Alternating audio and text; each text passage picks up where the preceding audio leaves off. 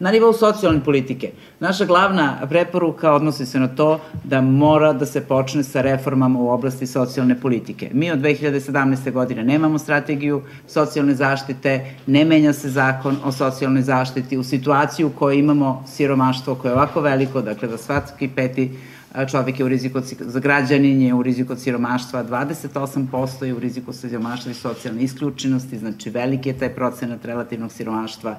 Podsjetiću da više ne merimo apsolutno siromaštvo, to je kad ljudi zaista ne mogu da zadovolje osnovne potrebe, ali ono se procenjuje na negde oko 400.000 ljudi. Kad govorimo o tome da su najugroženiji stariji koji nisu u penzionom sistemu i deca, odnosno mladi, mlađi od 18 godina, onda znamo zbog čega govorimo o ovim kategorijama. Znači ono što je nama prioritet u ovome je da vlada započne reformu. To su preporuke koje traju već nekoliko godina.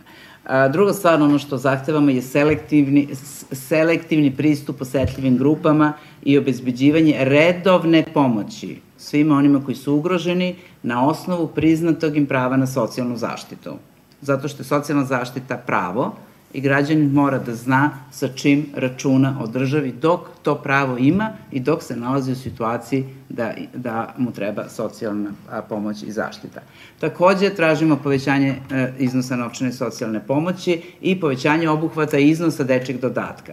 Tražimo takođe da se u programu ekonomskih reformi, koje vlada donosi sada kao jedan glavni programski dokument razvojni, jel, na godišnjem nivou, unesu u buduće reforme, odnosno strateške reforme iz oblasti socijalne politike, što je već dva, dve godine za redom zapravo izostavljeno. U zemlji u kojoj ima ovolikog siromaštva, od zakon, uvođenja zakona o socijalnim kartama, nema ni jedne strukturne reforme koja se bavi socijalnim pitanjima u programu ekonomskih reformi. Takođe, naša preporuka je da se obnovi proces e, pripreme programi reforma i oblasti zapošljavanja i socijalne politike, što se već godinama ne radi. Traži se takođe, već e, od, naročito od 2023. godine uveli smo novu e, preporuku, a to je da se unapredi rad koordinacijonih mehanizama u oblastima socijalnog uključivanja Roma i Romkinja, Saveta za rodnu ravnopravnost, Saveta za praćenje primene strategije za prevenciju i zaštitu diskriminacije. Zbog čega to tražimo? Zbog toga što smatramo da česti izbori dovode do stalnog menjanja i koordinatora i nadležnih u vladi, članova ovih koordinacijenih mehanizama i da mi već godinama zapravo e, imamo situaciju da ti mehanizmi ne funkcionišu, čime se onda postavlja pitanje na koji način se u stvari prati praćenje određenih javnih politika, kao na primer politike socijalnog uključivanja Roma i Romkinja.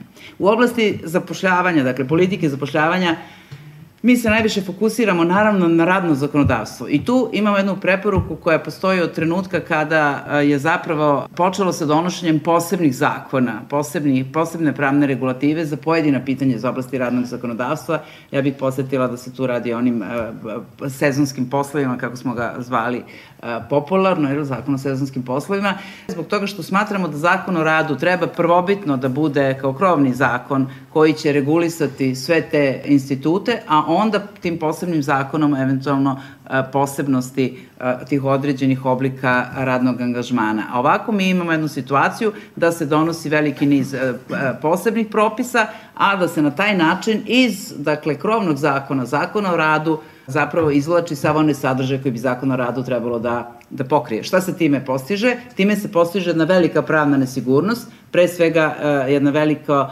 neću da kažem neznanje, ali nesigurnost onih koji primenjuju pre svega zakone kako će ih primeniti, jer vrlo često imamo kontradikcije među odredbama, a s druge strane građani ne znaju uh, dobro svoja prava i ne mogu da se snađu u tako velikoj količini pravnih, pravnih propisa. Znači, zakon o radu kasni nekoliko godina, i uh, kasnije će vidimo i naredne godine, ali to je ključno, znači potrebno je doneti novi zakon o radu. Uh, ono što takođe pratimo, to je, to, su, to je pojave novih pitanja, pre svega veliki broj, naravno, stranih radnika u Srbiji, kao što znate, donet je i novi zakon o zapošljavanju stranaca i to će biti predmet našeg rada u narednom periodu. Čekamo zakon o štrajku već godinama, to je zahtev koji je u akcijnom planu, a, a evo godinama a, nemamo zakon o štrajku. Generalno, zahtevamo od institucija, dakle, vrlo je važno da znamo da akcioni plan zahteva da se unapredi rad institucija kroz planiranje unapređenja ljudskih resursa, dakle, ekspertize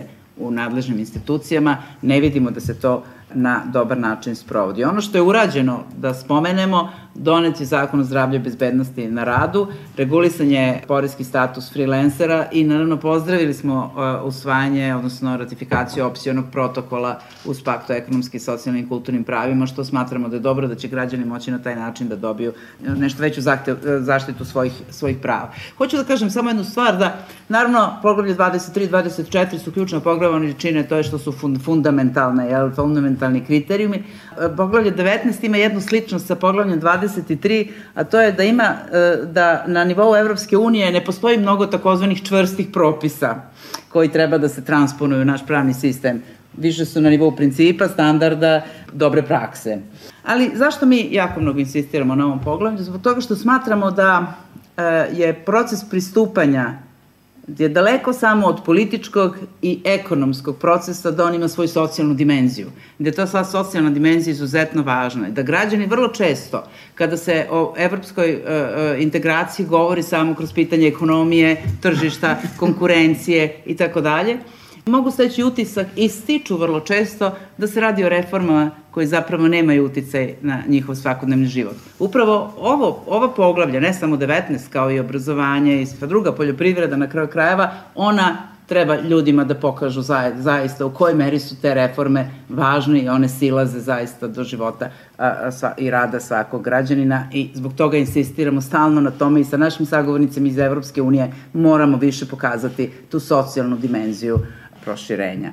I uh, tu je takođe strašno važno da pomenemo tu vezu sa poglavljem 23 u još jednoj sferi, a to je zaštita prava. Ukoliko nemamo efikasno pravosuđe, onda će i građani, iako imaju prava u ovome što čini uh, uh, dobro radno zakonodavstvo ili dobra socijalna politika, zapravo biti onemogućeni da ta prava ostvare ukoliko nam radni sporovi traju pet godina. Znači, efikasnost sudstva je za sve nas jako važna.